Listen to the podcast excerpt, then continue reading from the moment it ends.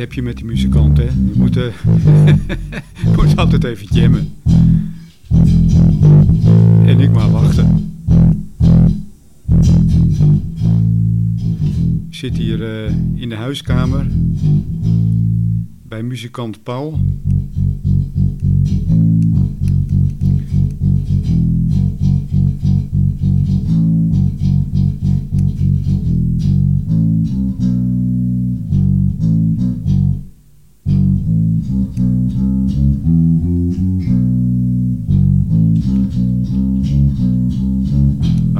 Van?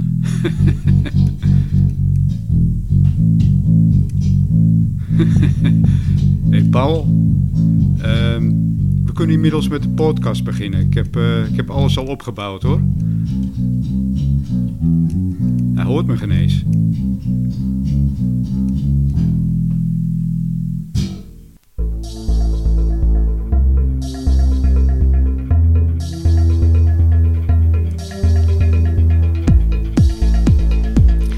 Ja, van eh, harte welkom luisteraars. U luistert naar de twintigste aflevering van de Technische Praatjes podcast.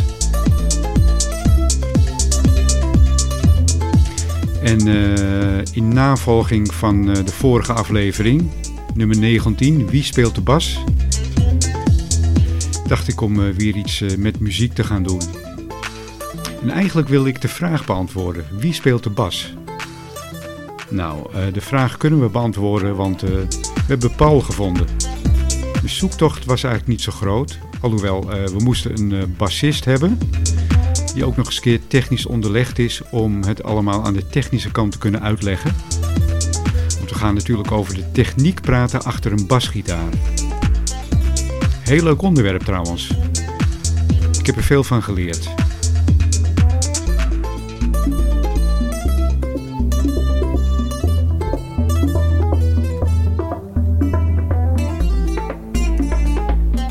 Trouwens een eh, zeer belangrijk instrument, hè, zo'n basgitaar. Bij, eh, bijna geen band speelt eigenlijk eh, zonder basgitaar. Want ja, weet je, die, die, die bas die zorgt voor het fundament van het bandgeluid. En is tegelijkertijd een belangrijk instrument binnen de, de, de, de ritmesectie van de band. Samen met de drum. Zo'n bas is vaak heel onopvallend aanwezig. Maar als hij er opeens mee stopt, nou dan ga je hem echt mis hoor interessant instrument. Wat een podcast eh, allemaal niet, wat een titel van een podcast allemaal niet kan doen. Hè? Wie speelt de bas? Nou, ehm, deze aflevering is getiteld Paul speelt de bas. Want Paul is eh, de gast in deze podcast. Paul Schenk, muzikant. En eh, ja, mijn naam is Koos Spits. En nogmaals, dit is de twintigste aflevering van de Technische Praatjes podcast, getiteld Paul speelt de bas.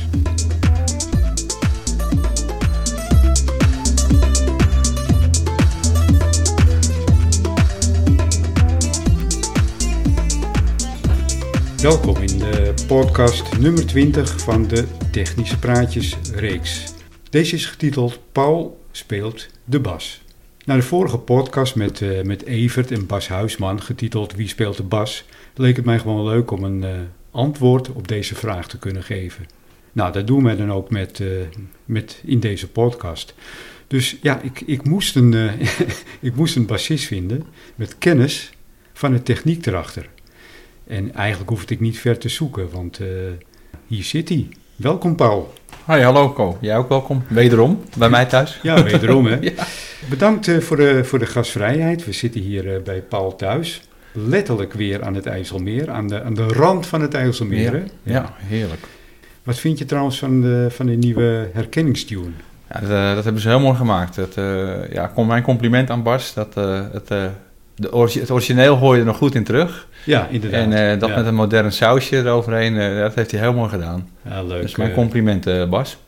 Ja, we kennen jou van eerdere podcasten, namelijk, even denken, De Vierde Man. Ja, Je hebt ook meegedaan Eco Kilo in het veld met de Ja, Eco Kilo podcast. ja. En natuurlijk de Velddagen. zeven- 70 centimeter Ja. getaped podcast. ja, En het Ja, waren allemaal, ik, zeg maar, recent gerelateerde podcasten. ja.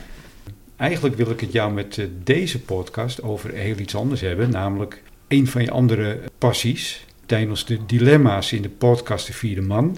zei je tot mijn verbazing... als je zou mogen, mogen kiezen tussen zenden en muziek maken... dan was het wel muziek maken. Ja, ja. En je zegt het goed, hè? Het is mijn passie. Het is geen hobby. Nee, precies. Ja, het is jouw passie. Ja. Ik weet het. Ja, ik wil het dan ook eh, met jou in deze podcast hebben over... eh, eh, voornamelijk over de basgitaar. Want eh, ja, we geven een antwoord op wie speelt de bas. Ja. ja. En dan met name over de techniek erachter. Tuurlijk, want het is Ja. technische praatjes. Dus eh, we gaan niet over Ja. akkoordschema's hebben en eh toonladders. ja. eh, Ja. Misschien een beetje, maar... eh, Nee, dat een, een beetje mag, maar Ja. eh, het, het gaat tenslotte inderdaad, dat heb je goed gezegd, over eh, de techniek Ja. erachter. En het moet wel aansluiten aan het concept van de technische praatjes. zo is dat. Ja. ja. En eh, we hebben hier een eh, lekker biertje, een Texels bokbiertje. heerlijk. Ik neem nu een slok. Ik, eh, ik zou zeggen proost. Oeps. Proost. Hey Paul, wanneer ben je eigenlijk met muziek maken begonnen? Laten we daar eens mee beginnen. Ja, dat ik, dat ik echt in een beentje ben gaan spelen is, is natuurlijk al wat latere leeftijd. Maar ik was een jaar of drie. Drie jaar? En toen, ja, en toen keek Toen- ik eh, liever naar Top Op. Toen speelde je al bas. Nee, toen speelde ik nog geen bas. maar toen wa- was al heel duidelijk Ja. dat ik liever naar Top Op keek. Nou ja, voor de mensen van ons leven weten we wat Top Op is. Hè? Een te- televisieprogramma Ja, met, het draait alleen maar om muziek, met Ad Visser. Daar keek ik liever naar dan eh, naar kinderprogramma's. Dus ik was eigenlijk altijd al met muziek bezig. En dat had mijn broer ook en mijn zusje ook wel. Eh, mijn ouders waren ze niet zo heel muzikaal, maar eh, mijn broer en mijn zusje eh, wel. En wij hadden heel vroeg al, al wat instrumenten.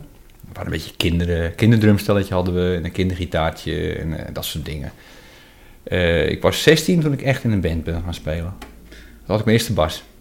Heb je ook een voorbeeld gehad? Een voorbeeld van iemand? Nee, nee, nee. Maar dat heb ik eigenlijk nooit in de muziek gehad. Ik speel ook drums, zoals je weet. En Ja. ik zing ook in een band. Eh, ik heb nooit zoiets gehad van, dat is mijn, eh, mijn, mijn voorbeeld en dat wil ik gaan kopiëren. Dat heb ik nooit, eh, nee, Nee. met- nee.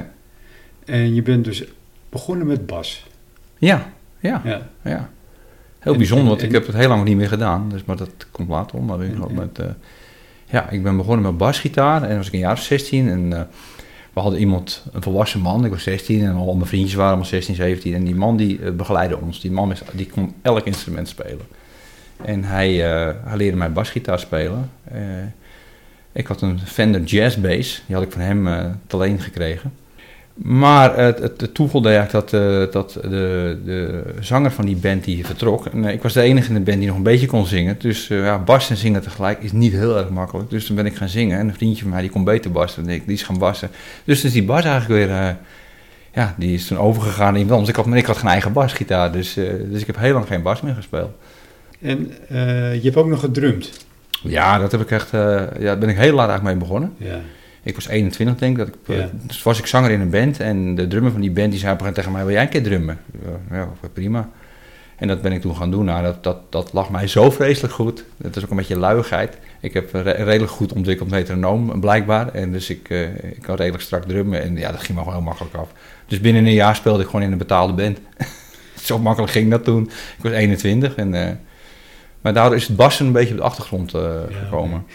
Heeft ehm, bas, heeft dat iets eh, met drum te maken? Want het is toch ook een soort ritmesessie Klopt, wat je doet? Klopt, helemaal. Ja, een basgitaar valt ook onder de rhythm section, hè, de Ja. ritmesectie. Ja.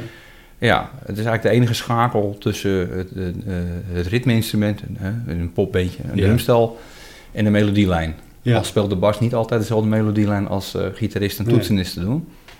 Nee, want ik, ik, ik, ik kan me zo voorstellen dat als jij eh toetsenist of, of lead gitaar speelt... Ja, En eh, ja, bijvoorbeeld, eh heel gek voorbeeld, je, je weet het even niet meer en je stopt. ja. Dan valt het natuurlijk veel minder op dan dat je met de bas zou stoppen of met de drum Ja, zou stoppen. ja. Als Dan, is ja, het gelijk drum- klaar. Drums is allemaal, eh, als een drummer stopt, sterker nog, als ik een keer een stokje aan mijn handen val en mijn hi-hat speelt niet meer door, dan zie ik allemaal muzikanten omkijken. Daar schrikken ze van. Maar, dat, is, dan ja. is, maar is met de bas ook volgens ja, mij. de Dat, bas ook, ja. Ik, ik, denk, ik denk dat, het, eh, dat het een, een bas, ehm, ehm, die, eh, die valt in het geheel niet zo op.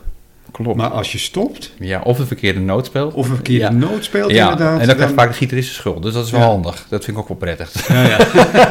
dan kijk ik ook heel boos naar de gitarist, weet je wel. Maar het is toch wel een, een, een, in het algeheel een, een heel belangrijk instrument. Dus, De- ja. Drums en bas is de motor Ja. van, een- van een band. Ja. Hoe gaat het nou? Eh, volg jij de drum of volgt de drum jou? Speel je achter de drum Eh, aan?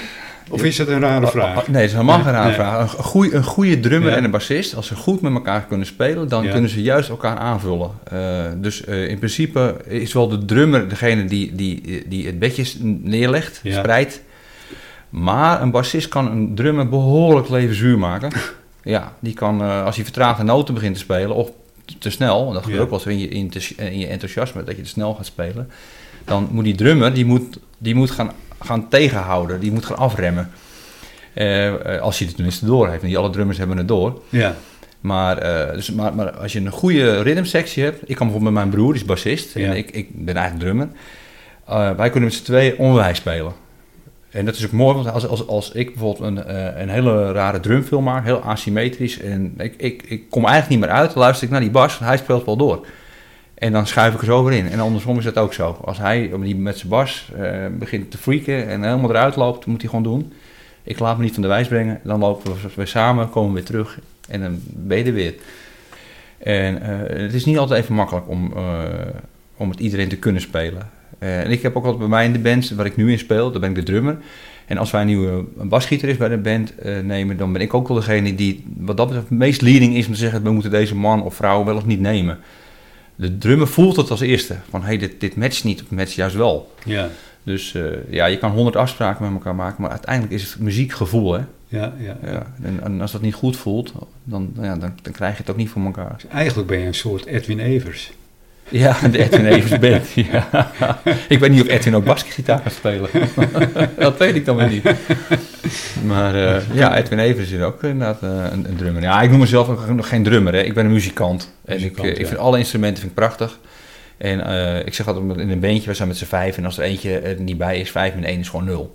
Je doet het met elkaar. Ja, precies. Dus ik vind niet een instrument ook belangrijker dan een ander instrument. Absoluut niet.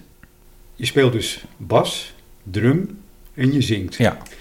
Nou ja, ik eh, denk dat ik het heb gevonden. Je mag eh, de begintune eh, inzingen. Wat jij wil, geen enkel probleem. ja hoor, dat doe ik graag voor je. Leuk. Moet ik zeker ook een tekstje bij gaan bedenken. Ja, die heb je- ja. ja, ja, ja, die- oké. Die, die, die, die- Ja, die ja, kan ik ook wel bedenken hoor. Ja, dat mag ook goed. Ik zie hier een paar hele mooie eh, basgitaren aan de muur hangen. Ja. Die mogen absoluut gezien worden. Wat een prachtige exemplaren. Ja, de, de, de luisteraars zien het natuurlijk niet, maar die kunnen altijd even op Insta, Instagram kijken. Ja, ja. En dan, eh, Dan ga jij hele mooie foto's plaatsen. dan kunnen ze de foto's eh, bekijken. Ja, laten we beginnen eens met de eerste gitaar. Dat, eh, als ik het even kan omschrijven. Dat is een gitaar met een soort ovale Slagplaat is dat, ja. slagplaat. Ja, slagplaat. Ja, die beschermt eh, je, je lak. Dat heet dus een slagplaat. Een slagplaat, ja. ja. Scratchplate, toen was het ook wel, maar ja, dat is heel mooi Engels. Oké. Scratchplate. Kun je daar iets over vertellen? Wat voor bijzondere eigenschappen hebben deze gitaren en waarom hangen er drie gitaren? Ja, nou, het waren er vijf, dus ik ben al. ik heb er al twee weggedaan. Ja, het is, Ja. ja. ja, je probeert eens wat. Nee, het, het, eh, wat die jij net omschreef met het eivormige slagplaat. Nou ja, eh, mensen die een beetje in de muziek thuis zijn, die denken hey, eivormig, dat moet een, eh een Music Man zijn. Nou, dat is ook een Music Man Stingray. Special is het. Het is een, hij is amberkleurig. Het is fade amb- amber, faded amber.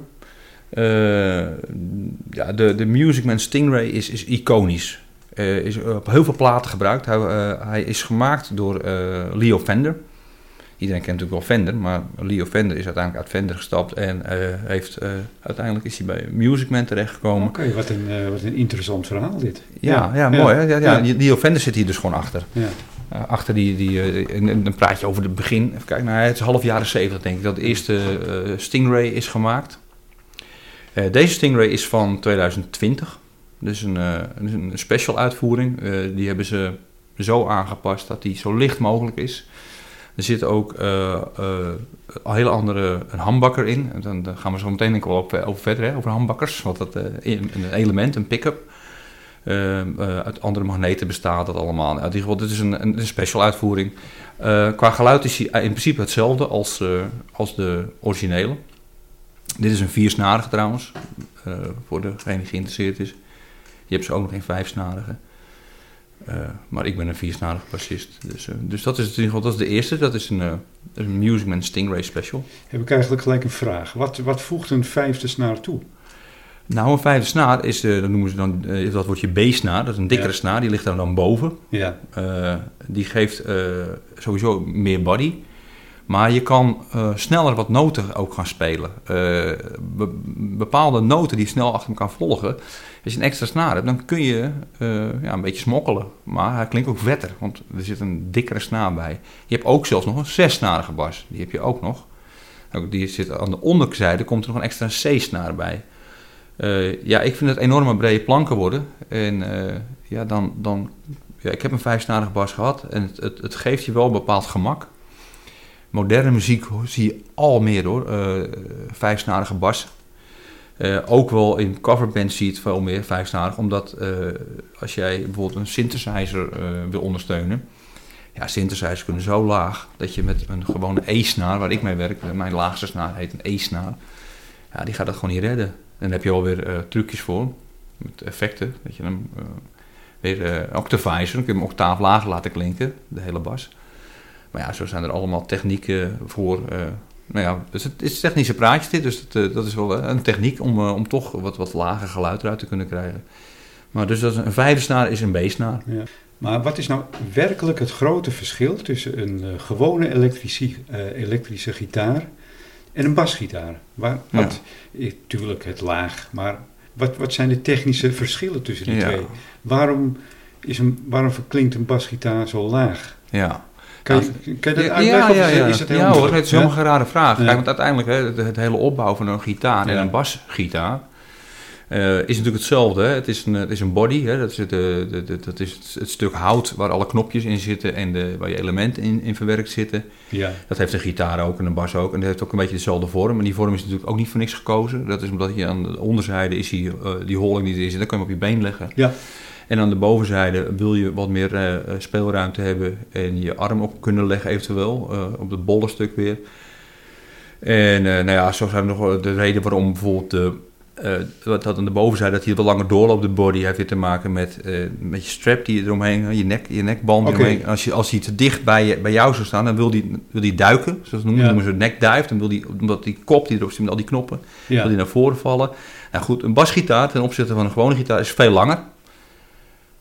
Dus als je een gewone gitaar ernaast zou hangen, zou je echt zien dat die heel iel is. Die is, die is veel fijner. Okay. Ja. De snaren zijn natuurlijk een stuk dunner. Uh, de elementen die er worden gebruikt zijn anders. Maar de, maar, maar de, de, de snaren zijn ook langer. Van een bas wel, ja. Ja, ja, ja. Een bas is uh, sowieso gemiddeld, is een viersnarige was 34 inch lang. Ja. En een gitaar, nou die zit er ruim onder. Ik weet niet precies een gitaar hoe lang die is, maar die is gewoon een stuk kleiner. Bepaalt dat ook het lage geluid, die langere snaren? Ja, ja. Want ik, uh, ik denk nu even aan een banjo. ja. Die is heel kort. Ja, en dan krijg je een heel hoog geluid. Precies, ja. ja, Oké. Okay, ja, okay. ja. Dus, uh, de, dus des te korter de snaren worden, des te hoger het geluid. Dus ook al stem je hem in dezelfde toon, want die, die, die, die snaren zijn natuurlijk allemaal gestemd in een bepaalde toonsoort. Uh, dan nog, als je een hele lange. Je, ziet het, nou, je kan het zien aan een pijporgel. De hele lange pijpen die erin zitten, die geven een hele diepe bas. Ja. Dan komt dat ze gewoon lang zijn. Dus, uh, dus dan kun je veel langere golven. Terwijl uh, als we praten over noten, laten we zeggen bijvoorbeeld een C-noot. Als je die uit een hele lange pijp laat klinken, of een hele lange snaar, dan klinkt die heel diep, maar het is nog steeds een C. Terwijl diezelfde C kun je dus ook gewoon uit een piccolo halen, uit een fluitje. Het is nog steeds dezelfde noot, alleen hij klinkt een paar octaven hoger. Dus vandaar dat een bas over het algemeen lang is. Nou moet ik wel zeggen, dit zijn long scales. Ik heb long scale bassen, maar je hebt ook nog half scales. Dat is een stuk korter, die, die, zitten, die zitten onder de 30 inch. Die klinken dus ook iets hoger.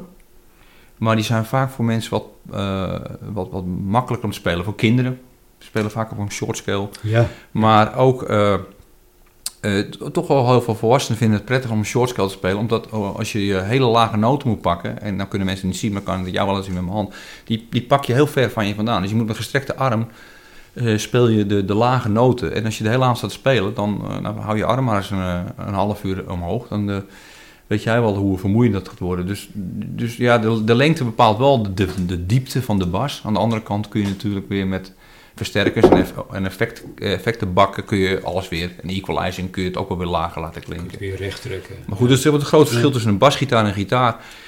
Want op zich, worden de elementen zijn in principe wel hetzelfde. Ze worden wel, eh, eh, dus de pick-ups waarmee je dus het geluid gaat versterken van de snaren. In principe is de werking gewoon hetzelfde. Oké. Een magneetje en een spoeltje eromheen eh, die, die die trilling van de snaar oppakt. Ik zie, ik zie ook dat, ze, dat eh, verschillende artiesten, vers- verschillende eh, muzikanten, die, die basgitaar op hele verschillende manieren vasthouden. Ja, Als je bijvoorbeeld kijkt naar de bassist van The Cure, ja, die heeft hem zo wat op de grond hangen. ja. En een ander voorbeeld, een bassist die hem erg hoog houdt, dat is volgens mij Mark King. Ja, Mark King. Ja, Ja, ja, ja. En de, de, de- volgens mij de bassist die het allerhoogst hangt, dat is de bassist van Sade. Moet je dat maar eens gaan kijken. Oh Die, die, die, die, die ja, die heeft die bijna tegen zijn kin. En die speelt toevallig ook op een, eh, op een eh, Stingray speelt hij. Ja, die heeft hem bijna tegen zijn kin aan zitten. Ja. Het is, eh dat hebben mensen zichzelf aangewend. En als je gewoon puur kijkt ergonomisch en wat gewoon wat een fysiotherapeut ook tegen zal zeggen, die er verstand van heeft, zorg ervoor dat eh, ongeveer de, eh, het midden van, van je slagplaat, dat dat aan de hoogte van je navel hangt. Oké, ja. Dat heeft gewoon puur te maken met hoe je lichaam in elkaar Ja. steekt. En eh, dus een ba- bas heel hoog hangen is eigenlijk ja, niet echt goed voor je, want het, je krijgt gewoon snel la- last van kramp. Dus, En- de, dus als je hem heel hoog zo speelt, ja, dat, of heel laag, ja. heel laag, dan zit je met je, met je hand, met je linkerhand, tenminste van rechtshandige bassisten, ja. die dus de noot willen pakken op de hals. Je, je, je, moet je, je zet je pols onder de te grote hoek. Terwijl als je hem meer omhoog haalt, dan kun je meer zo spelen. En Is, is het eigenlijk eh, conditie bas spelen? Want je moet wel constant... muziek maken sowieso. Je Of je nou zingt de hele avond Ja. of, of, of toetsen speelt Ja. of gitaar of bas. eh, het, het zwaarst denk ik is drummen. Dat is Ja, gewoon fysiek het zwaarst. Ja, en, maar eh, ja, ja, muziek maken is, is op zich, eh, het, het is ook ontspanning, maar het is ook heel veel inspanning. inspanning. Ja, ja. het vraagt heel veel energie, want om, je, je, je bent met zoveel zintuigen tegelijk bezig. Ja. Dus het is ons, ontspanning door, ins, door inspanning. Ja, ja, maar het is natuurlijk heel veel met sport is het ook zo natuurlijk. hè. precies, ja, ja. dus Ja. ja. ja, en het weegt ook nog wel wat. Nou moet ik zeggen, mijn bas is redelijk licht, maar eh, zeker de bassen van vroeger, de originele Stingray, was ook loodzwaar. Ja, niet te tillen die dingen. Dus het is zo'n, zo'n, daarom heb ik ook hele brede eh, straps ervoor, die niet minder druk op je, in, je, in je schouder. Want het, eh, je bloedsomloop door je schouders, die eh, wordt gewoon tegengewerkt als je een dunne strap gebruikt. Oké, Ja, ja. Die, dat knelt gewoon Ja. af. Ja.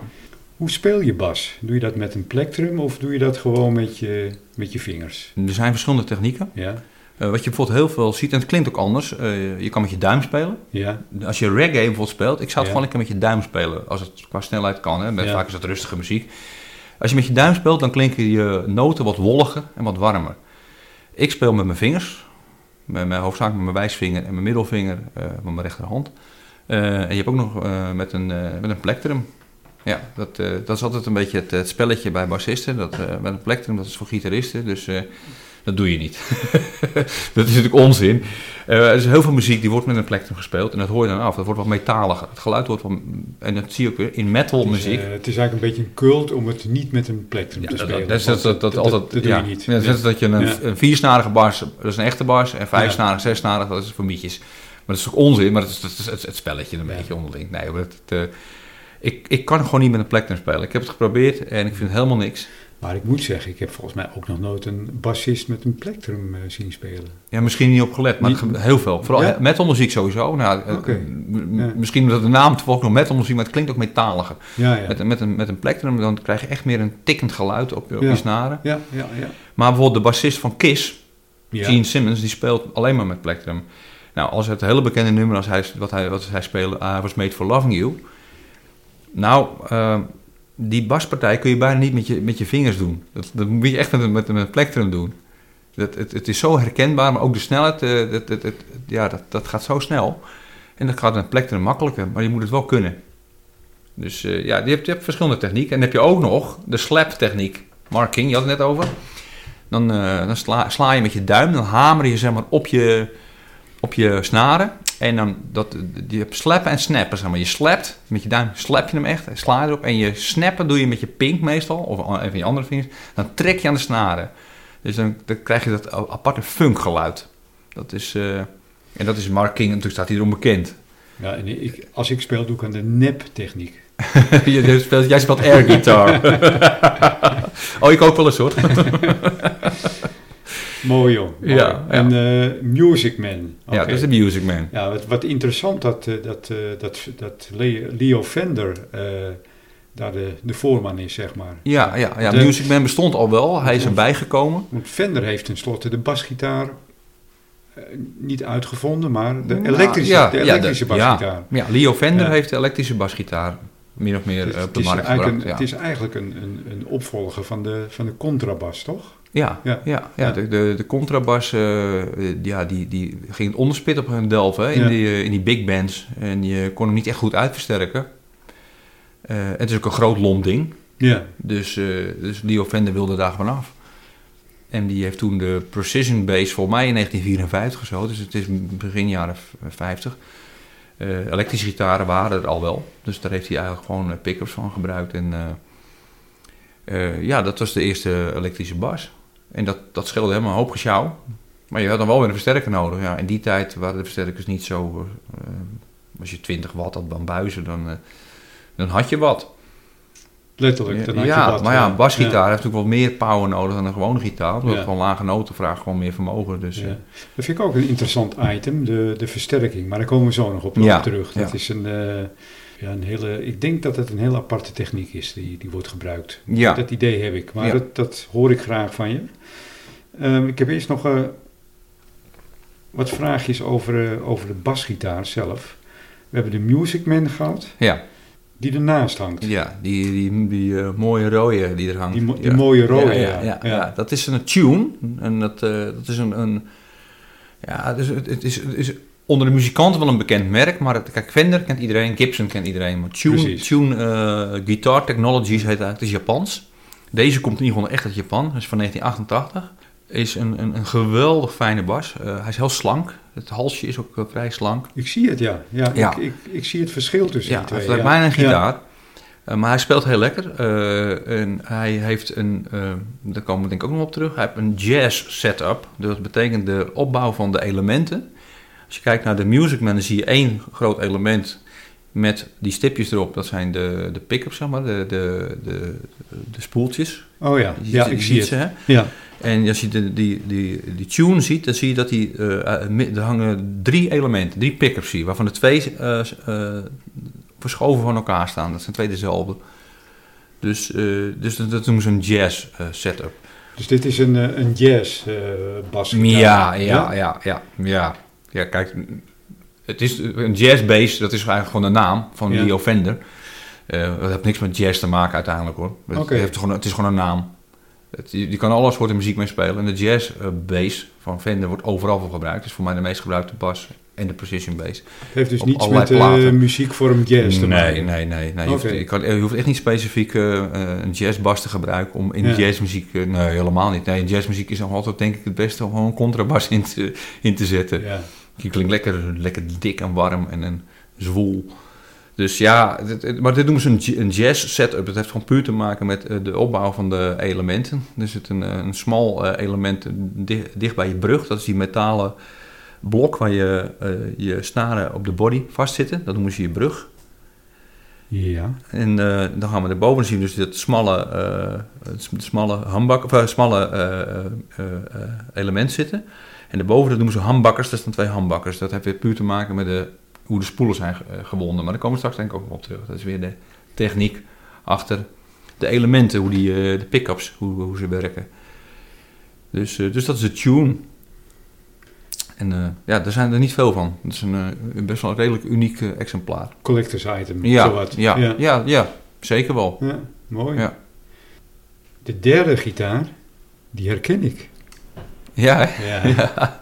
Level 42. ja, Ja. ja, ja. ja. Ja. dat, eh, dat is de Status King Bass. Ja. Dus de Status Graphite, moet ik zeggen. Graphite. King Bass. Ja. ja, die is ontwikkeld samen met, eh, met Mark King Level 42. En Mark King had inderdaad exact dezelfde. Geeft dat een speciale klank? Ja, kijk, Mark King is toch wel iemand... eh, hun muziek wordt gekenmerkt als jazz-funk. Ja. Nou, dus het, eh, de bas heeft wel van nature een behoorlijke scherpe klank zit erin. eh, Ja. Echt funky. Ja. Maar eh, Door weer de juiste afstelling te maken in je eh, elementen. Je kan heel veel kiezen, uh, schakelaars op die bas. En je kan kiezen welk element je harder wil laten werken. Dan kan ik hem ook heel jazzy en, en bluesy laten klinken. Dus, uh, dus heel veel mensen, heel veel bassisten wilden er eigenlijk niet aan beginnen. Omdat die, ja, die zijn heel gauw geneigd te denken van nee, dit is een, het is een slap bass. Je moet er lekker Ja. op slappen en funken. Nou, dat hoeft dus allemaal niet. Het is een, eh, een bas die heel veelzijdig is. Maar het meest bijzondere aan deze bas is dat die eh, hals is niet gemaakt van hout, maar van graphite. Het, eh, dat is het, eh, hetzelfde materiaal zeg maar, waar de draagarmen van een Formule 1 auto van eh, zijn gemaakt.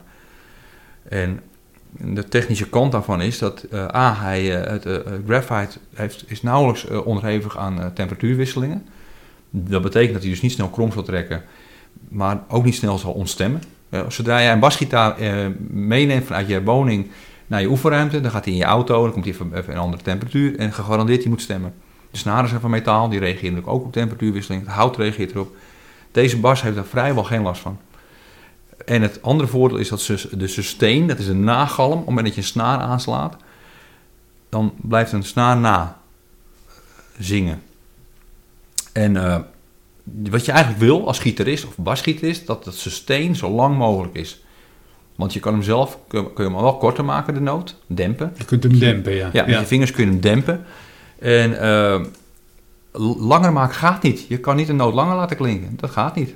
Nou, en graphite heeft de neiging om enorme lange sustain eh, erop na te houden. Dat is echt bizar, echt heel bizar.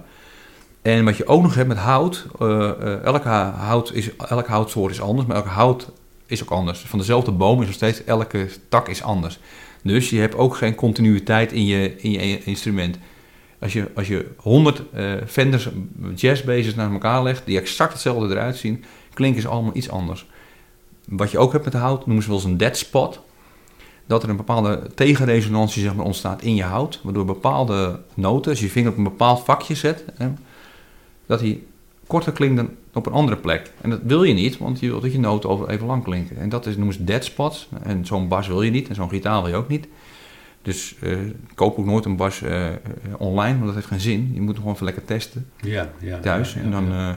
Eh, merk je als je, of, of, op, op locatie, ga je gewoon testen. En als er een dead spot in zit, dan eh, wil je hem gewoon niet. Nee. Maar zo'n zo'n graphite bas, die kun je gewoon eh, online bestellen. Kan ook niet anders staan, voor de hand gemaakt. Dus, eh, maar die hebben geen dead spots, dat is kunststof. ja, die heeft er geen last van. Ja, dus uh, heel Ja. bijzonder, een hele bijzondere bas. Nou, en de ledjes die erin zitten is leuk, hè? Ja, dat, is, eh, dat een is, stukje eh, gadget, Mark King, hè? Daar zitten blauwe leds in. Dat maakt hem af, hè? Ja, Ja. ja. Klopt het dat ik daar geen fretten in zie? Of zie ik het verkeerd? Nee, Die. Ja, die King Bass heeft wel frets. Je hebt ook Ja. fretloze bassen. Ja. Soms zijn ze gewoon helemaal eh, eh, egaal. Hè? Ja. Vaak gewoon zwart van kleur of, of En, eh, houtkleuren. even, even voor de luisteraar. Toevallig heb ik dat van Paul gehoord wat een fret is. Een fret is dus het afstelvleugelmoertje. Of, Oh nee, wacht even. Dan heb je het over inderdaad de, de, de, de, de, de, de- ja, die, is de, de, ja, de, de, de, nee, afstellingen, je de, de, de sna- snaarspanners. Ja, zeg oh, ja, nee, de, frets zijn de metalen eh, ah, strips. Oké, De- dan, dan, dan, dan heb ik jou verkeerd begrepen. Ja, nee, dat, eh, nee om, om, om te kunnen stemmen, dat, eh, dat zit op de body. En dat, eh, Ja. hij, eh, dit, noemen ze een, een double ball snaar. Oké, de- dus de, de afstem... Mechaniek, ja, zit- mechaniek zit op de body. ja. Oké, En, en, en het ja. voordeel daarvan is, hij, de, er wordt rechtstandig aan de snaar getrokken Ja. om hem op te spannen. Bij een normaal systeem op de kop, Ja. die, die, die grote vleugelmoer die er ziet Ja. zitten, daarmee krul je hem eigenlijk op om een as. Ja, Ja. En ehm, zo ja, en zodoende kan je hem aanspannen of ja, losser daarmee, kun je hem, ja, daarmee stem je hem, zeg Ja. maar. Hey, en, en fretten, zijn dat die, is dat het gedeelte wat op die hals zit? of? Ja, die strips die je ziet, Die strips, dat is je, ja. po- je- voor je positie, zeg maar. Ja. hè. Wat, je, wat je doet op het moment dat je je vinger vlak achter de, de fret legt, Ja, of op, eh, dat bepaalt de, de noot die je speelt, de toon. ja. Eh, maar je hebt ook fretloos, dus zonder frets. Eh, dan, dat is wel, eh, het speelt heel licht, maar het is wel heel tricky. Want als je er een klein beetje naast zit, dan speel je gewoon een valse noot. Oké. En dan heb je ook nog fretloze bassen en gitaren. Maar wat, wat is dan het voordeel van een fretloze bas? Heeft het voordeel? Ja, als je, als je een fret kun je horen. Als je, als je met het indrukken kun je hem horen. Ja, Maar ook als je je vinger er net niet helemaal goed op, Op. hebt liggen, ja. of er net naast hebt liggen, dan noemen ze fret buzz. Dan zinkt de snaar een beetje over het metaal van de fret. En dat wil je eigenlijk niet. Soms wil je het wel hoor, dat, dat, dat kan. Ik, ik vind het altijd heel mooi om dat bij opnames te horen, live opnames. Ja. Maar dan heb ik het over een leadgitaar, hè? niet over een Ja, basgitaar. ja, bij liedgitaar hoor je het ook wel. Ja. Of Ja. als ze met hun vingers over de snaren heen gaan, hoor je dat ook, hè, dat schuiven. Ja, ja, ja. Ja. Dan, dat heeft weer met de winding van je snaren te maken. Hè. Met, met dat metaalgewonden is het dan. Maar daar heb je ook weer verschillende snaartypes in. Maar de frets, dus die, eh, ja, die, die, die, die zorgen ervoor dat je, dat, je, dat je de juiste noot kan pakken. En dat je het ook kan zien. Hè. Daarom zitten die dots er ook op, die stipjes die erop zitten. Die, dat is je positiemarkering. Nou, bij die, eh, bij die uh, de, de status base, heb je mooie lampjes. Dus die kan je leuk in het donker zien. Dan weet je in ieder geval waar je zit. Eh, Want eh, dat is wel van belang dat je wel weet eh, dat je je vingers op de juiste plek zit. Om, eh, om dan niet vals te spelen. Dus, eh, Maar het wordt denk ik wel, op een gegeven moment wordt het een gevoel. ja, Eh, over dat- het algemeen dat- kun je dat- gewoon blind dat pakken. kan je met je ogen Ja. dicht doen, denk ja, ik. Ja. Ja. Ja, Ja. zeker wel. Ja. Maar dat is ook wel het probleem weer, met, omdat je meerdere bassen speelt. dat, de halzen zijn niet allemaal even lang, hè. Dus dat is wel... Zeker als ik overstap, ik speel het meest op de king bass, maar als ik overstap op de, op de andere bassen, dan, dan moet ik altijd wel even kijken. Want dat zit net even anders. Dus dat, eh, ja, dat, het is wel een kwestie van wennen. Maar je went dus ook aan een, een bas. Dus eigenlijk kun je beter gewoon één bas spelen, dan, eh, of één gitaar. Maar ja, dat, eh, ze hebben allemaal ander geluid. Dus dat zie je ook bij heel veel muzikanten, dat ze toch meerdere instrumenten hebben. Op sommige basgitaren zie je, zie je één pick-up Ja, en soms zie je er twee of zelfs drie. Kan je dat uitleggen? Waar- waarom is dat? Ja. Wat, Nou, wat, wat voor voordeel heeft het om, eh, om er drie te hebben in plaats van één? ja, Ja. ja. dat heeft wel zeker voordelen. Eh, of kan voordelen hebben, het ook net hoe, eh, hoe, hoe breed je muziek is die je maakt. In Ja. coverbands kan ik het helemaal begrijpen dat je meer Meer. wil, aan je geluid wil kunnen tweaken. Ja. Maar als je bijvoorbeeld een, een element dicht bij de brug zet, hè, dat is dus, dus nogmaals, dat is die metalen plaat waarmee je, die zit vastgeschroefd op je body, Ja. waar je snaren zitten. Des te meer je die kant op gaat, des te eh, harder je klank wordt van je snaren. Hij wordt wat korter, hij wordt wat scherper. Ga je meer richting de hals, hè, dus ga je aan de andere kant van de body, meer richting de hals van de, van de bas, dan wordt hij warmer. Wordt hij voller. Dikker. Ja, dan wordt Dikker. een dikker geluid Ja, krijg je. ja. En, eh, en, en je kan dus eh, met een balansknop kun je dus ook daarmee in balanceren. Dat je zegt van ik wil een klein beetje meer van dat element of juist een beetje meer van dat. Of ik gooi hem helemaal eh, de ene kant op naar, naar, de, naar de hals toe of, of juist meer naar de brug. Het is net welk muzieksoort je maakt of welk liedje je na wil spelen.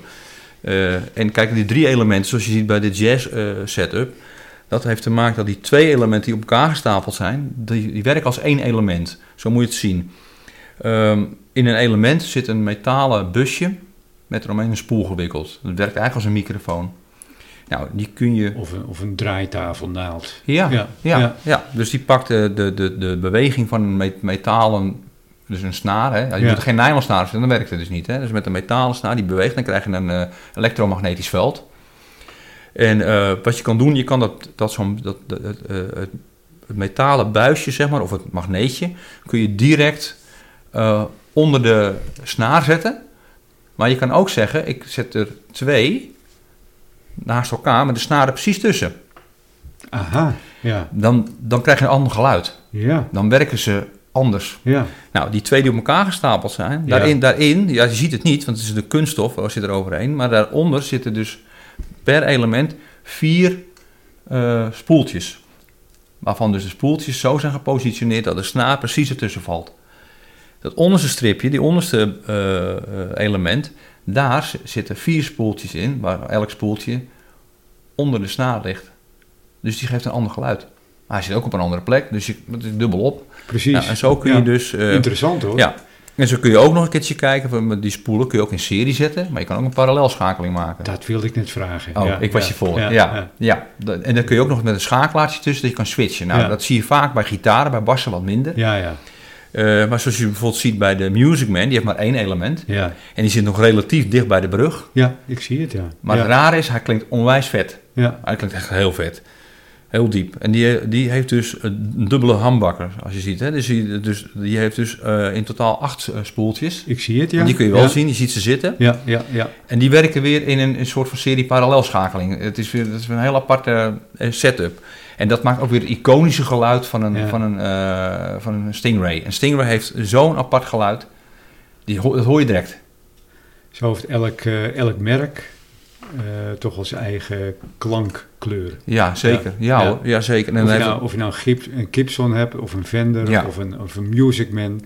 Het zijn toch allemaal andere ja, ja. klankkleuren. Ja, ja. en nou denken heel veel mensen dat het klankkleur ook enorm te maken heeft met de houtsoort. Nou, dat is bij een eh, akoestische gitaar wel het geval, akoestische bas ook. Maar bij een elektrische bas ben ik van mening dat eh, het enige wat effect heeft op, op je geluid, dat is de, het materiaal van je hals. Wat Ja. voor soort hout, of in dit geval met de Kingbase dan eh, graphite. Dat heeft een enorm effect op je, op je systeem vooral. Eh, maar je body is meer eigenlijk gewoon om je knopjes en je elektronica bij elkaar te, te houden. Ja. En je snaar Ja. op te kunnen spannen. Ja hoor, ik, eh, mijn ervaring is dat dat niet zoveel effect heeft. Maar het geluid wordt met name bepaald welk type snaar gebruik je. Want je kunt natuurlijk heel veel soorten snaren gebruiken. En wat voor elementen zitten erin en wat voor elektronica. Want dit zijn allemaal eh, elektrische bassen die eh, met, een, met, met batterijtjes werken. Dus het is een, volversterkte bas. Want je hebt ook eh, een, passieve bas. En daar werk je dus zonder batterijen erin. En dus je hebt dus actief. Dit, is een, dit zijn allemaal actieve bassen. Nadeel is dus op het moment dat je batterij leeg is, dan heb je ook geen geluid meer. Hoe moet ik me dat voorstellen, een passieve bas? Er wordt een, een elektrisch signaaltje opgewekt door de beweging. Ja, Dat, Ja. dat moet dan zo. ja. ja. het wordt bijna een soort Ja. dynamo, hè? zo Ja. moet je, zo moet je het zien. En eh, dan zit er in je toonregeling wel een paar condensatortjes. Ja. En dat is het eigenlijk, hè? dus eh, er zit heel weinig tussen. Eh, daardoor ben je ook vaak, mm, heb je wat minder ruimte in het, in het tweaken van je geluid. Dat moet je dus al veel meer doen met een equalizer dan op een later moment. Eh, op je versterker zit ook een, eh, bijna alle basversterkers hebben een schakeling tussen passief en, en actief. De, eh, passieve, het passieve gedeelte is veel gevoeliger. Je moet eigenlijk zien als een, als een hi-fi versterker waar je een phono-ingang hebt voor je pick-up. ja. Die is heel gevoelig. Dat moet ook wel, want het signaal is zo laag. Wat Zo binnenkomt. laag, ja. Ja. Dat maakt het, het nadeel daarvan is dat het heel gevoelig is eh, voor bijvoorbeeld, ik noem maar wat. Ja, gsm'tjes die Ja. je in de buurt hebt. Hè. Ja. Het pakt heel veel op. eh, en een, een, een actieve bas stuurt veel harder uit. Ja. Een soort van lijnuitgang, zo moet je het maar zien. Hè, auxiliary. Eh, dus dan kan je versterken, kan dan op actief staan. Dus die is minder gevoelig. Eh, maar het voordeel vind ik van een, een elektrische bas met, met een preamp, een, een volversterkte preamp, dat je, eh, je hebt veel meer headroom in je, in je geluid. Je kan, je, jou, ja, ja, je kan veel meer spelen daarmee. Dus eh, ja, ik vind, ik, ik vind het mooier klinken. Ik vind een, Het is een kwestie van een eh, hele goede kabel gebruiken. Een heel Ja. goede afgeschermde dat sowieso. gitaarkabel. Ja. Ja. Zijn het eigenlijk gewoon dezelfde kabels die bijvoorbeeld als bij een microfoon worden gebruikt? Of? Nou, ik doe het wel. Ik maak Ja? ze zelf. Ja. Ik maak mijn eigen kabels, omdat ik, eh, mijn ervaring is met de, de, de kabels die je koopt. Die zien er eigenlijk een beetje uit als een coaxkabel. Nou, we, ons, wij, wij zendfanaten wel bekend. Ja. Dan heb je een mantel en erin een kern. En eh, ja, zo werk ik niet. Ik werk met een microfoonkabel. Die heeft natuurlijk ook een mantel. Ja. Dat is dan zeg maar je massa. Ja. En daarin zitten dan twee draadjes, je rode en je blauwe vaak. Nou, Ja. die rode die doe ik op de tip van de, van de jackplug. Ja. En aan de baszijde doe ik dan de blauwe doe ik aan de min. De, Plus, man, plus, de, plus de mantel, of niet? de mantel aan de kant van de bas niet, Aha. maar wel aan de kant van de versterker. Dat noemen ze je hete kant. Ja. En daar doe je hem wel. Doe je de min en de massa bij elkaar. En daarmee zorg je ervoor dat je zoveel mogelijk vuiligheid buiten Oh, houdt, ja. buiten de deur Ja. houdt. Eh, je moet wel een sticker erop plakken, zodat je weet eh, wat Welke je heet- kant, Ja, ja. wat is je hete kant. En zo maak ik mijn eigen eh, snoeren. Jeetje, wat, wat, wat leer ik een hoop zeg, vanavond. Ja, ja het, heeft, het, heeft ja, gewoon te maken met afscherming. En als Ja. je dan beide kanten doet, dan, kun je, dan werkt je afscherming eigenlijk niet. Nee, nee. Ja. nee. Dat is hoe elektro- elektronica nou helemaal werkt. Versterkers. Hè, daar zijn we nu eh, een beetje op aanbeland. Ja, Ja, ik kan wel vragen, wat is het verschil tussen een basversterker en een gewone gitaarversterker? Maar het is waarschijnlijk een heel, een heel verhaal. Ja, nou, eh, Ja. eh, dat is wel een verhaal. Op Ja. zich is natuurlijk een versterker een versterker. Hè? Ja. Die gaat een, een, een zwak signaal ga je eh, omzetten naar een, ja, een versterkt signaal. Is- en dat, Is het te vergelijken met een gewone luidspreker en een subwoofer? Nou, dat, dat is dan weer zeg maar, het luidsprekergedeelte. Als je Ja. kijkt naar puur kijkt naar de het versterking zelf. Je kan op een, op een gitaarversterker prima een bas uitversterken. Alleen wat je vaak ziet bij een, bas, bij een gitaarversterker... Ja. dat er al vaak allerlei eh, effecten zijn ingebouwd. Zoals distortion. Wordt ook wel eens gebruikt voor bas. Maar hè, de gitaristen gebruiken vaak distortion, een delay. Dat soort zaken. En een, een gitaarversterker is vaak maar 100 watt. Meer heb je niet nodig, want het is allemaal mid en hoog. En dat, eh, nou 100 watt, dat knalt wel hoor. Dat wil wel. En dan draai je vaak eh gitarist op een, eh, op een 12 inch of een 10 inch eh, luidsprekertje. En bassisten die zitten al vaak op een 15 inch luidspreker. En zoals ik hier heb staan, ik heb al 1000 watt aan, aan basversterking staan. Nou, dat vind ik toch een beetje tegenstrijdig, want ehm, een basgeluid is lager. Ja, ik heb altijd geleerd, hoe lager de frequentie, hoe verder het geluid reikt. Dus Ja. ik denk dat je hem dan juist, is mijn gedachtegang Ja. hoor, dat je hem dan juist moet dempen, omdat je anders zou overheersen. Want dat basgeluid, Ja. dat dringt sneller de zaal in, Ja. denk ik. Of, Nou, nee, kijk, het is zo, eh, eh, om, om, om lage frequenties te kunnen ver- ver- eh, te versterken, heb je gewoon meer power nodig. toch? Ja, Ja. zeker weten. Dat zie je bijvoorbeeld ook als je kijkt naar bijvoorbeeld een driewegsysteem in je hi-fi. Ja. De, de bas speaker krijgt meer vermogen, dat, daar zorgt je filter natuurlijk voor, dan je mid en je hoog. Je tweetertje, die, die kan misschien, eh, eh, als je een 25 watt tweetertje hebt in je hi-fi set, dan heb je, is je bas speaker misschien wel 200 watt. Maar, maar toch, ho- hoewel het ge- het basgeluid toch veel makkelijker de zaal wordt ja, ingeslingerd. de- het, het draagt verder, maar in Het volume, als je ja. kijkt in het volumeverschil, Ja, heeft bas meer power nodig om de speaker in beweging te brengen. En Ja. het mechanische gedeelte, zeg maar. ja, Eh, dus eh, he- heb je gewoon meer power nodig. Anders eh verzuipt de bas in, eh, in de band. En eh, ons gehoor werkt nou eenmaal beter op mid en hoog. ja klopt. Dus die, die Ja. schreeuwerige gitaren, die hoor je Ja. wel. Maar die bas, die, die verzuipt erin.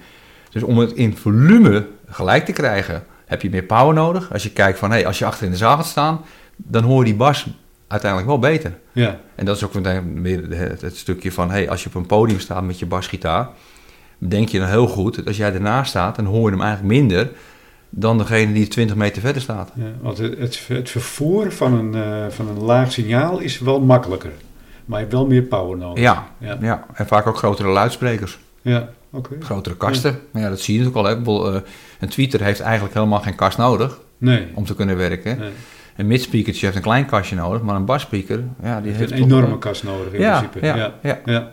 Dus ja, dus te lager de, de frequentie, dus te meer eh, power en grotere speakers we nodig hebben. Dat, dat is nou helemaal zo. En wat is, de, wat, wat is de beste plek voor een eh basspeaker? Is Ja, een basspeaker die straalt eigenlijk helemaal rondom. Hè? Dus, Ja. eh, maar eigenlijk wil je hem niet zo dicht bij, bij, bij een muur hebben. En waarom niet? Dan krijg je heel veel bas. Ja, dan krijg je... Dus als je echt een eerlijk geluid wil, kan je beter zo ruim mogelijk zetten. Ja. Maar dat geldt eigenlijk voor alle speakers. Hè? Ja, ja, Ja. ja. Ge- Geef ze de ruimte, dan, dan hoor je het eerlijke Ja. Ga je ze bij een, bij een, weer bij een muur zetten of bij een, bij een doek, dan, eh, of bij eh, Het- een betonnen muur, krijg je eh, reflectie. Het is dus niet zo dat je hem bijvoorbeeld naast de, naast de drum moet zetten. Dat het een Nou. beter- betere plek is dan... Dat doen we altijd, omdat de Ja. drummer graag bas wil horen. Ja, wij drummers willen graag Ja. eh, die, die basgitaar horen. En die basgitarist wil graag die drummer horen. Die, wat die gitarist allemaal doet, dat interesseert ons eigenlijk niet. Eh, die wil alleen weten wanneer zijn gitaarsolo afgelopen is. Maar dat weet je hoeveel maten dat is vaak. Dus het, eh, nee, je wil elkaar wel horen, maar vooral ba- bas, bassisten en drummers zoeken elkaar altijd op. Dus Ja. die, die gaan, daarom zie je vaak ook een basstack zie je vaak naast een drummer staan. Maar dat hoeft tegenwoordig allemaal niet meer, want Nee. tegenwoordig hebben we allemaal in-ears. Dus via die oortjes horen wij elkaar. er zit nog veel verschil in tussen een buizenversterker en een transistorenversterker. Jazeker. Het werkt eigenlijk hetzelfde als bij, eh, bij hi-fi. eh, Ja. eh, wat, wat, je vaak hoort hè, van een, van een hi-fi fanaten, van ja, buizen klinken warmer.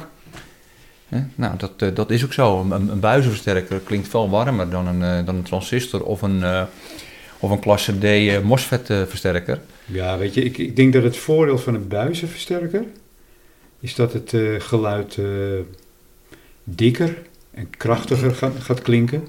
Maar het komt juist door zijn eigen harmonische vervorming. Tuurlijk, het is ook Ja, vervorming, ja. ja, Ja, Dus maar- is- maar maar, als je het mooi vindt, dan gaat het uiteindelijk om, hè? Ja, Maar, maar dat klinkt lekker. ja, Dus die vervorming van die buizenversterker, dat maakt het wat wolliger, ja. wat Je krachtiger. ziet het bij gitaristen vaak, hè?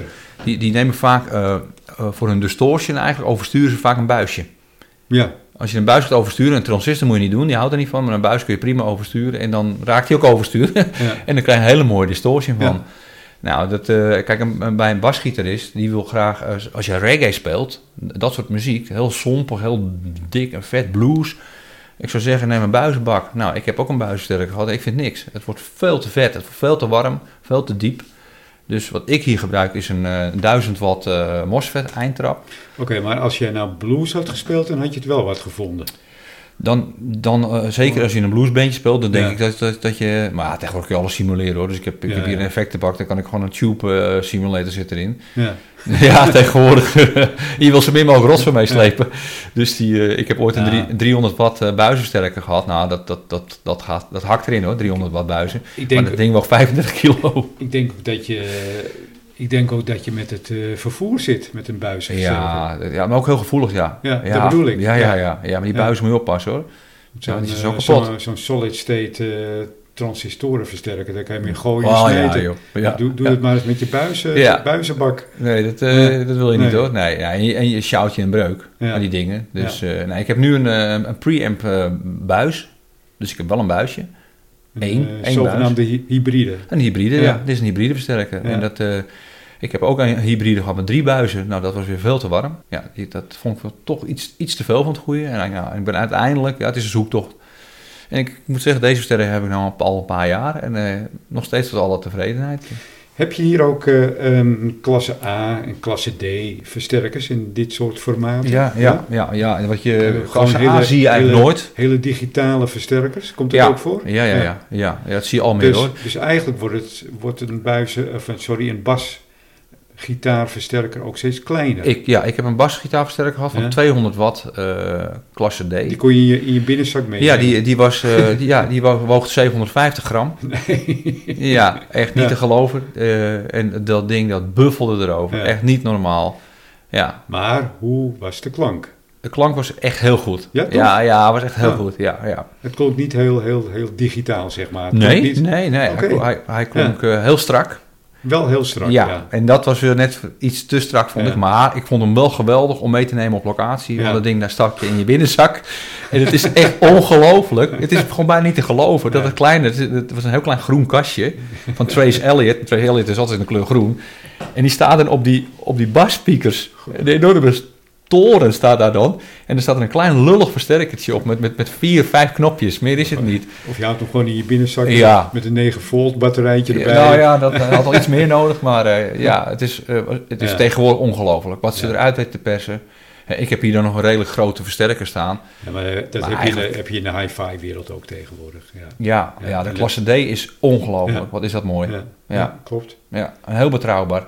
Oké, dus dat, die, dat komt ook al voor bij de... Heel, heel veel zie je dat. Heel veel. Ja, Ja, ja. Je ziet al meer eh, toch wel muzikanten eh, die kant op gaan hoor. Ja, En heeft, ehm, heeft elk merk, eh, bijvoorbeeld, jij hebt hier staan een Ampeg, geloof ik. Ja, als ik het goed Ampeg, Ampeg of Ampeg? Ampeg. Ja, Oh, het Ampeg. is geen Ampeg. Ampeg. Je Het, het is. Amerikaans, Ampeg.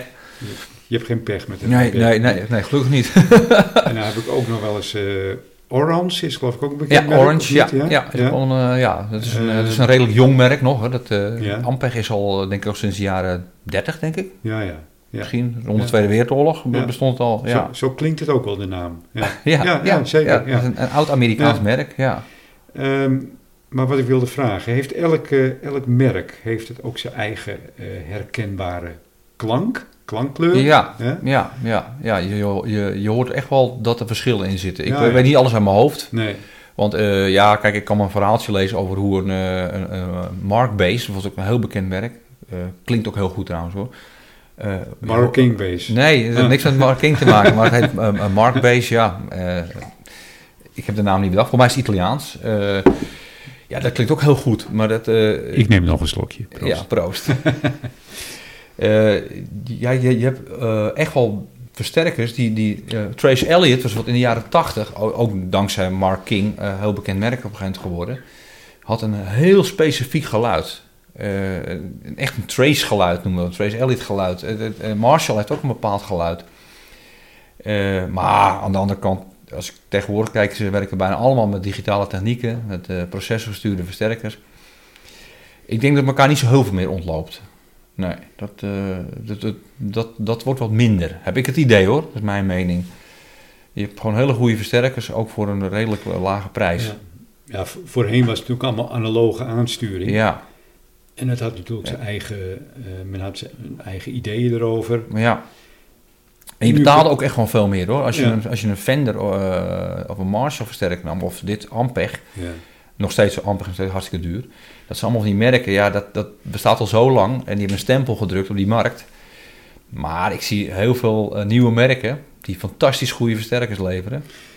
Je betaalt bij Fender eh, voor de naam, Ja, denk je? ja. Dat wil je mee zeker. zeggen? Ja, ja. zeker. Ja. Ja. Gibson ook. Ja. Ja, zeker. Maar ook voor die Music Man die ik heb. Een Music Man heeft ook een naam. Ja, ja. Dus de helft wat je al betaalt is gewoon al eigenlijk voor de naam. ja. Hm. Maar ik moet wel zeggen, ik heb ook wel eh, op kloontjes gespeeld van de Music Man. Dat, dat is het toch niet hoor. Dus er zit natuurlijk ook kwaliteit achter.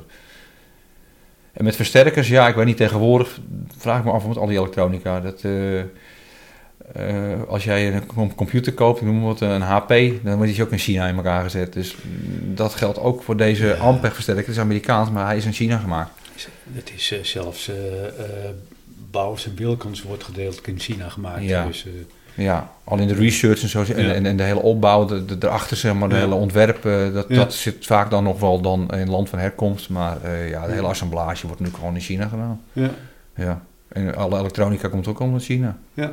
Dus Ju- ja. Juist ja, alle elektronica, ik denk, ik denk dat de assemblage, het in elkaar zetten, misschien nog wel in het land zelf wordt gedaan. Of, Ja, nou, deze Ampeg staat gewoon made in China. ja, ja, als, je, als, je, totaal. Ja. als, je, als je hem openmaakt, dan zie je dat erin staan. Aan de buitenkant eh, staat dat niet, maar ja, het is wel degelijk in Kun- China dan gemaakt. kunnen ze waarschijnlijk meeluisteren in China.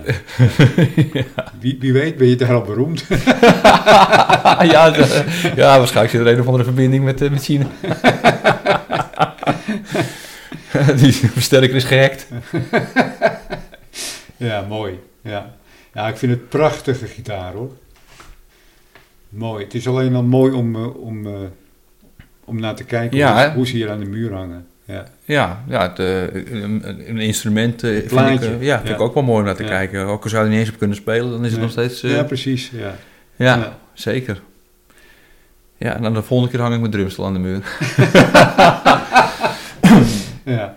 Je hebt natuurlijk ook de techniek gedaan bij die band, hè? Ja, ja bij verschillende bandjes. Ja. Ja, ook wel studiotechnieken. Ook studiotechniek. Ja, opnames en zo. Ja. Ja. En daar was jij natuurlijk de aangewezen man voor. ja, daar wordt meteen misbruik van gemaakt.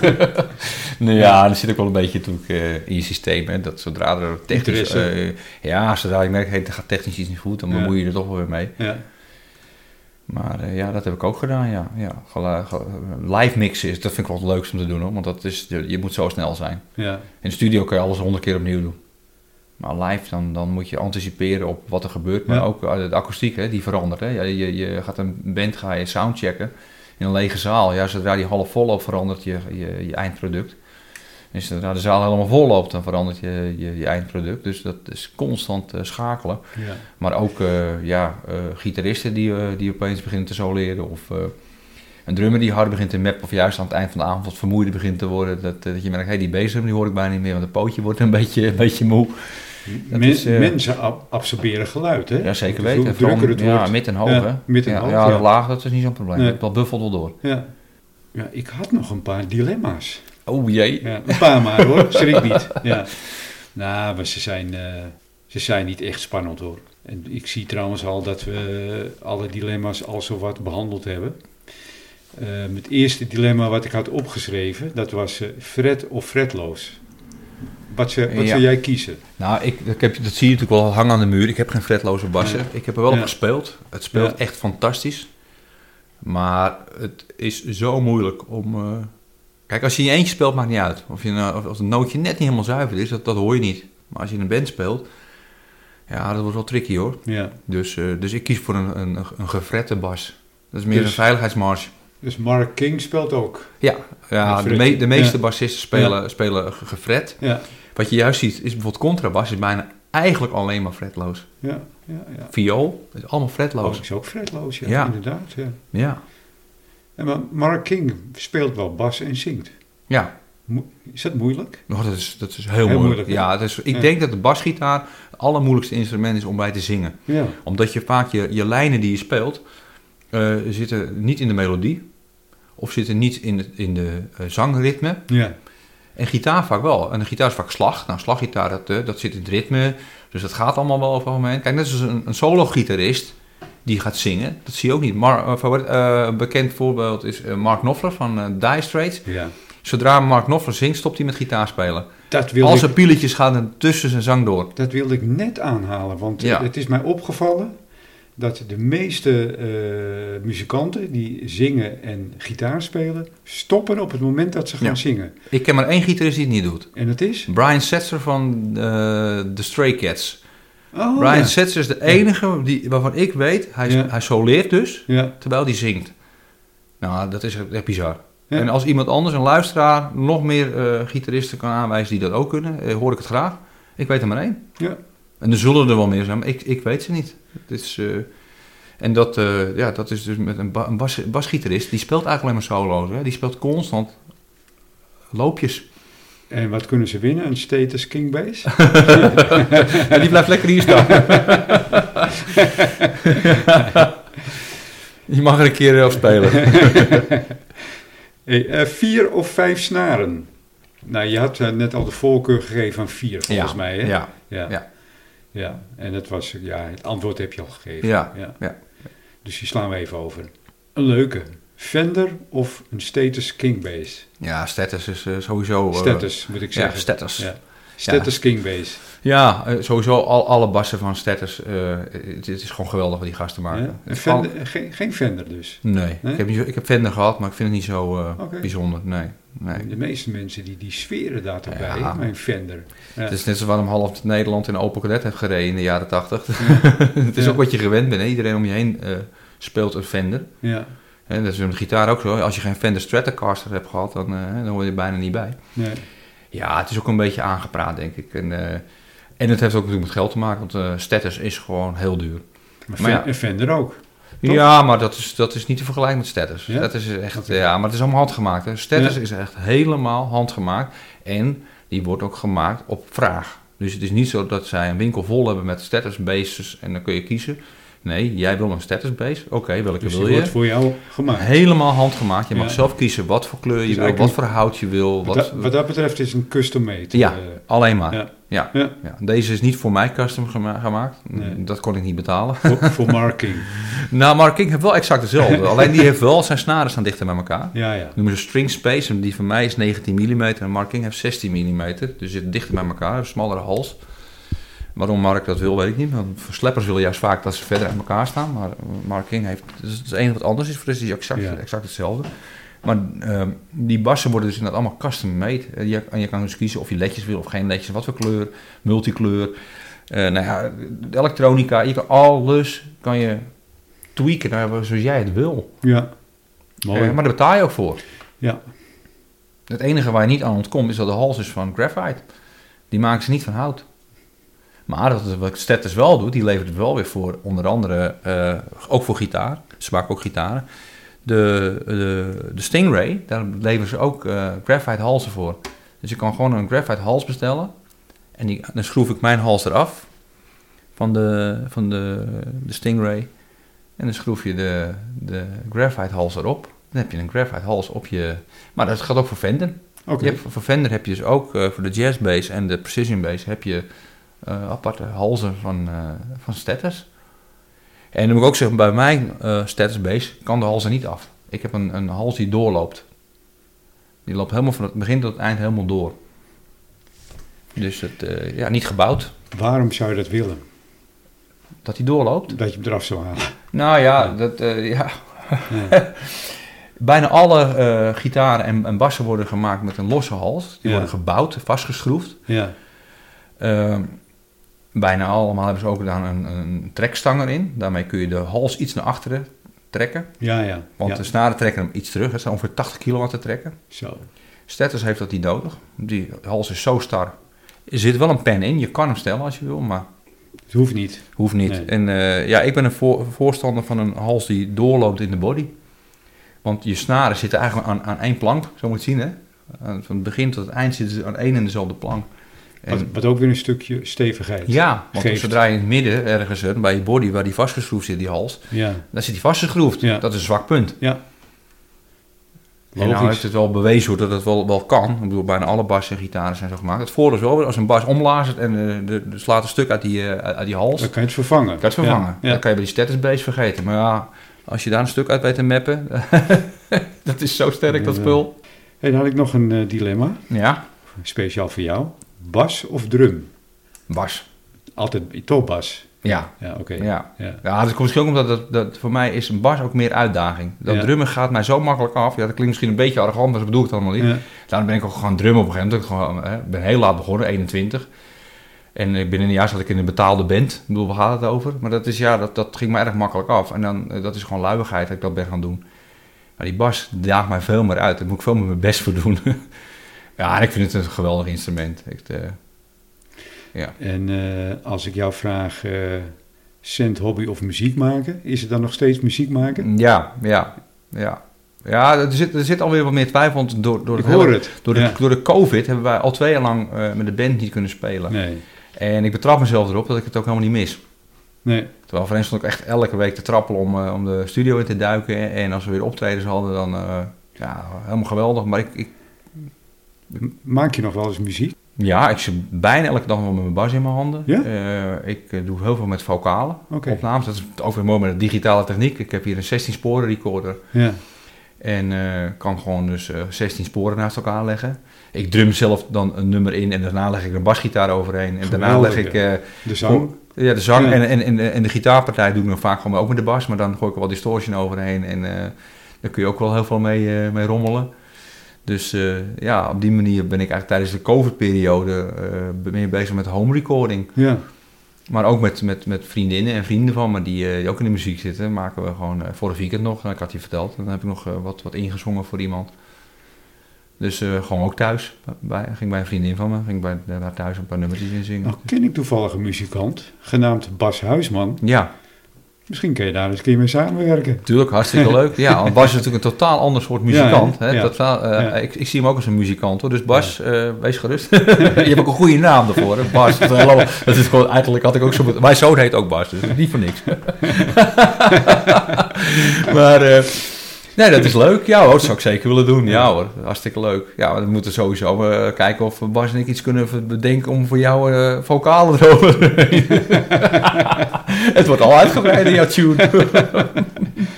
Gewoon heel koor gaan we er gewoon Ja, straks is één tune en eh, drie minuten podcast. Ja, ja, ja, precies. Leuk. Ja, nou, wie weet. Ja, het is wel leuk om mensen bij elkaar te brengen. Dus, eh, en muziek is, eh, is een verbinder hoor. Ja, zeker. Ja. Ja. Zeker. Ja. Ja. Muziek is, eh, wat, zei, eh, wat zeiden ervoor in de vorige podcast, muziek is levenswater. Ja, Ja. zeker. Ja. Ja. Ja. Ja. en je kan muzikanten over de hele wereld bij elkaar zetten. Ja. Ook verstaan ze elkaar, elkaar niet. Ze verstaan elkaar toch. Ja. Ja. En ik moet zeggen, ik ben natuurlijk al heel lang muzikant. Ik, ik, ik vind over het algemeen, eh, als ik bij een wildvreemde band en eh, de studio inloop, dan ben je gewoon welkom. Dat maakt geen donder uit. En dan mag je nog meespelen als je wil. Het, het, het, het, het is allemaal zo vriendelijk volk. En ook, eh, maar ook zie je gewoon in heel veel bandjes ook mensen van allerlei culturen door elkaar heen. Daar doen muzikanten ook allemaal niet moeilijk over. Nee. Wat voor kleurtje je hebt of eh, wat je seksuele geaardheid is. Het maakt allemaal niet uit. Bedoel, eh, hè, volgens mij is half, eh, half muziek, muziekwereld is, is homo. Ja, dat, eh, De beste zangers dat maakt niet uit, nee. vaak, eh, Nee. Maar dat maakt allemaal niet uit. Nee, de muzikanten doen helemaal niet moeilijk. Nee. Heel relaxed volk over het algemeen. Maar dat zijn wij centamateurs ook. Ja, dat is ook zo'n apart volkje. Ja, Ja. van, eh, ja, heel apart weer, hè. Dat is ook zo sociaal als, als Ja. wat. Ja, iedereen zoekt elkaar op en Ja. eh, je bent altijd welkom. Niemand eh, die verstopt iets. Iedereen wil delen met elkaar Ja. en is geïnteresseerd. Ja, ja. Weet je, ik, ik, ik vind het leuk eh, ehm, dat jij heel veelzijdig bent in techniek. Dus ik, ik kan met jou een heleboel eh, bespreken. We- De volgende keer gaan we bijvoorbeeld een podcast maken over modelbouwvliegen. Ja, ja, die hebben we nog steeds eh, in... eh, Ja, dus, Dit is, dit is volgens mij alweer de vierde podcast waarin Ja. je, je hebt Ik meegewerkt. ik word een beetje zo'n sidekick van je. Ja, een, ja, sidekick, oftewel vriend van de show, hè? Ja, ja, ja. Die, die titel heb je al, hoor. ja. Dan heb je hem weer. Net eindje David, hij blijft maar terugkomen. Ja, ik denk dat je eh, ook samen met Evert eh, ben je een van de meest voorkomende gasten in... eh, Ja, inmiddels wel, hè? ja, ja. leuk. Ja. Maar goed, het is ook allemaal heel interessant wat je te vertellen hebt. Ja, ik, ik bedank jou hierbij eh, Heel Voor, graag gedaan. Dat, dat weet je, ik vind het dat, superleuk. je, dat je in, wederom in een van de podcasten je verhaal wil vertellen. Ja, het leek me een leuk idee in, in navolging van, de, van de vorige podcast. Om nou iets werkelijk iets met een, met een bas eh, te, te gaan maken. En Ja. ja. ik hoefde echt niet ver te zoeken, want eh, ja, Paul hè. Ja, ja, Leuk. Ja, Ja. ja je, het, het, het, het, eh, was binnen handbereik. Goed, dank je Paul. En ehm, ja, dit, dit was dan weer de twintigste aflevering hè? Ja, de 20. ja. Ja, het gaat snel hè. Ja, zeker. Ja. Op naar de volgende. Nou, bedankt voor het, voor het luisteren. Bedankt Paul. Het was hier erg gezellig. Het biertje is nog niet op. Bijna. Op naar de volgende. Op naar de volgende. Paul bedankt en tot, tot horens. Ja, ook bedankt, Koop. Ja.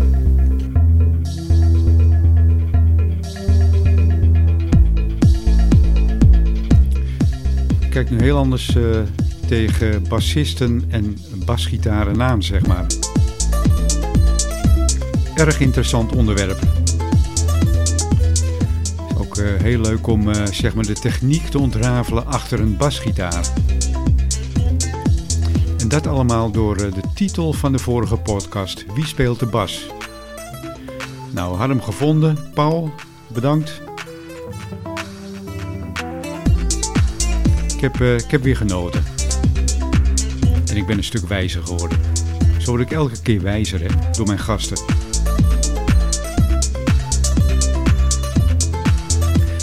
De twintigste aflevering was dit alweer van de Technische Praatjes podcast. En eh, wij zijn altijd te beluisteren eh, via Spotify, Apple Podcast, Soundcloud en natuurlijk uw favoriete podcast app.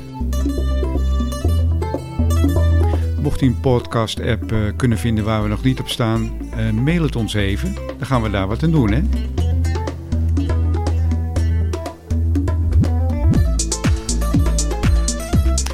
Kunt eh, ons mailen ook voor eh, reacties, commentaar, klachten. Ehm, en complimenten natuurlijk. Kunt u ons mailen op eh technischepraatjes.zikko.nl technischepraatjes.zikko.nl En vanaf heden zijn ook foto's beschikbaar van deze podcast op onze Instagram. Gewoon even technische praatjes opzoeken, zo simpel is het.